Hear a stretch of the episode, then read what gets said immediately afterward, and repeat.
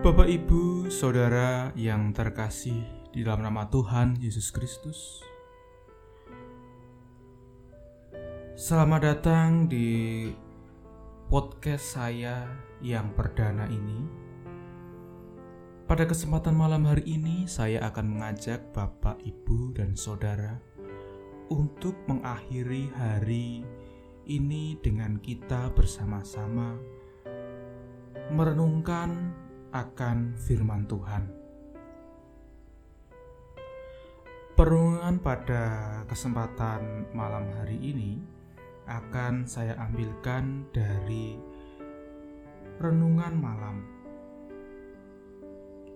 Dan pada kesempatan malam hari ini kita diberikan nats dari Amsal 18 ayatnya yang ke-10 yang begini firmannya. Nama Tuhan adalah menara yang kuat. Ke sanalah orang benar berlari dan ia menjadi selamat. Renungan pada kesempatan malam hari ini diberi tema tempat perlindungan.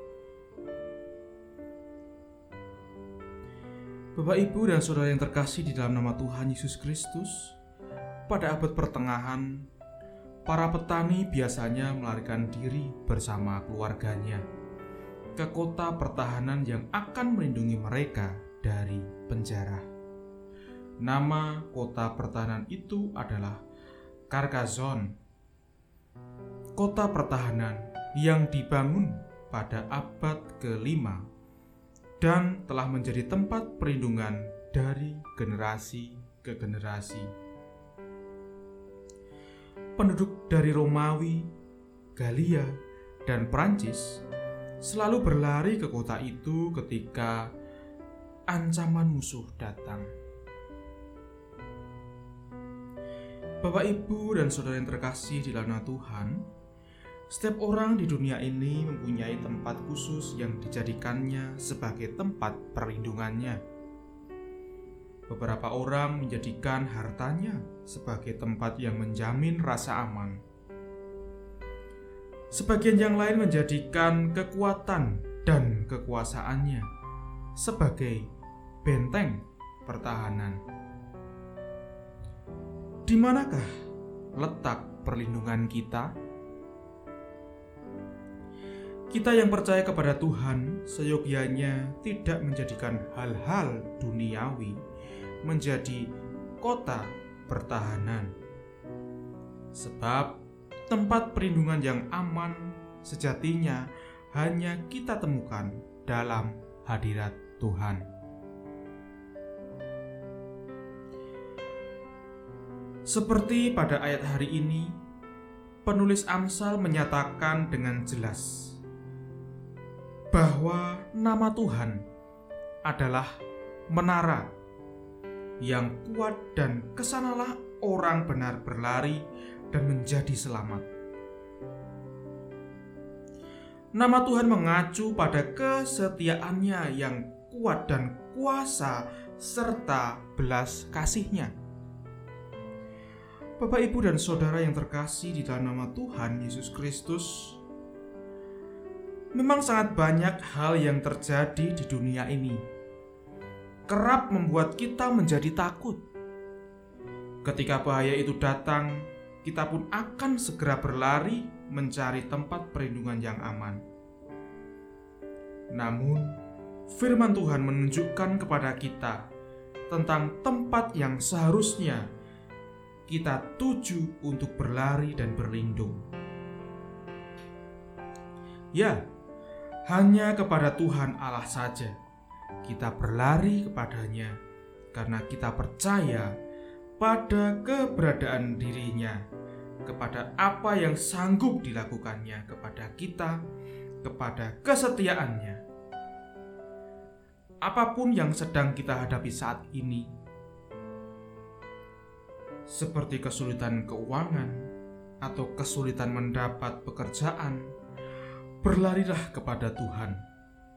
Dialah menara penyelamat kita.